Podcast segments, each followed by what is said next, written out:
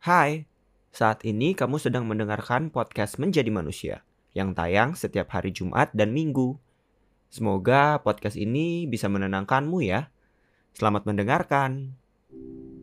Bertemu lagi kita penghujung tahun. Di malam menjelang Natal.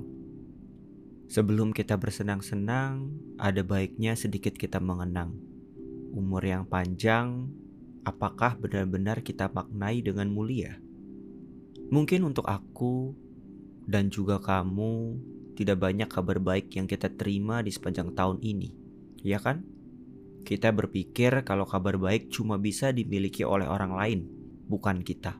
Tapi hari ini kita masih bangun melewati siang, sore, lalu bertemu malam yang katanya malam penuh dengan penantian dan harapan.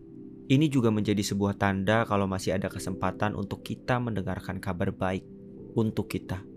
Mari, sini. Aku ingatkan sedikit tentang kabar baik yang sebenarnya selalu ada di sekitarmu. Setiap hari, sepanjang umur kita yang mungkin kamu lupa. Senin pagi dengan beragam kesibukan, riuh kamu bangun dari tidur. Kamu berangkat kerja. Ini adalah kabar baik pertama pada pekan itu. Ya, kamu masih punya pekerjaan. Di saat teman dekatmu yang sering kamu abaikan chatnya, sibuk mencari aktivitas untuk distraksi dari kepusingannya menunggu panggilan interview kerja. Kamu masih punya kabar baik, memilih kaos band apa yang mau kamu pakai hari ini untuk berangkat ke kantor. Matahari kurang sopan kemarin. Ibu sudah terlalu tua untuk menyiapkanmu bekal. Di tengah-tengah perjalanan, kamu dan pikiranmu sibuk berkelahi. Lalu muncul Hati-hati di jalan ya, kabari kalau sudah sampai di layar ponselmu. Meski dia menyebalkan dan sering kurang pengertian, dia ternyata adalah bagian dari kabar baikmu tahun ini. Kadang waktu membuatnya terasa seperti sebuah rutinitas biasa. Hari demi hari dilalui, bulan demi bulan berganti. Terasa seperti biasa saja, tapi jika berhenti sejenak, sadarilah kalau dia masih ada di situ. Kekasih hatimu menjadi harapan dan kabar baik untukmu.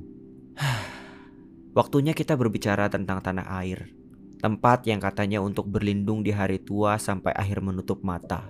Dua minggu terakhir, jempol beradu dengan layar smartphone sepanjang hari.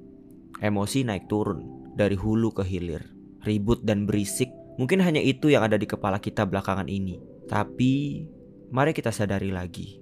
Dan inilah kabar baiknya. Kita akan sampai lagi pada momen itu hak kita dirayakan. Kita masih punya pilihan. Kita bahkan punya kebebasan untuk menentukan apa yang ingin kita pilih sesuai dengan cita-cita kita, sesuai dengan hati nurani kita, sesuai dengan apa yang kita anggap benar. Kita masih selalu punya kesempatan itu ketika mungkin tanah air yang lain sedang berjuang dengan air mata demi mempertahankan tanahnya. Hari ini kabar baik kita, kita masih punya banyak pilihan. Sudah cukup? Natal bukan selalu hanya milik umat Kristen. Natal bukan selalu tentang berpesta. Natal adalah kita yang bisa memaknai umur panjang dengan kemuliaan di setiap harinya. Yang sadar di penghujung tahun, kita akan bertemu awal yang baru lagi. Natal yang katanya mengingatkan kita pada bayi mungil pembawa kedamaian menjadi simbol bahwa setiap langkah setiap kedipan mata dan setiap embusan napas pun menjadi tanda kemuliaan kecil di panjangnya umur yang kita punya. Semoga sebagai satu-satunya pemilik hidup kita sendiri, kita selalu ingat akan kemuliaan itu. Selamat Natal untuk kita semua. Selamat mengambil waktu untuk merefleksikan kembali tentang makna kelahiran yang menjadi kabar baik sehingga membuat kita mau menghidupi hidup kita. Panjang umurnya serta mulia.